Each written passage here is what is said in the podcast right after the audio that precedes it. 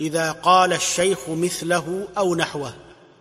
وقوله مع حذف متن مثله أو نحوه يريد متنا قبله. فالأظهر المنع من أن يكمله بسند الثاني وقيل بل له. إن عرف الراوي بالتحفظ والضبط والتمييز للتلفظ.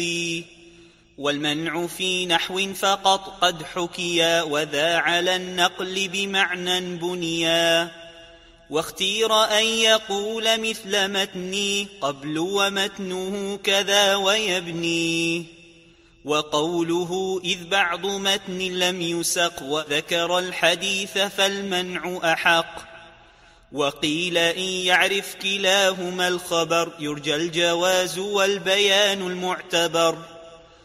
وقال إن يجز فبالإجازة لما طوى واغتفروا إفرازه.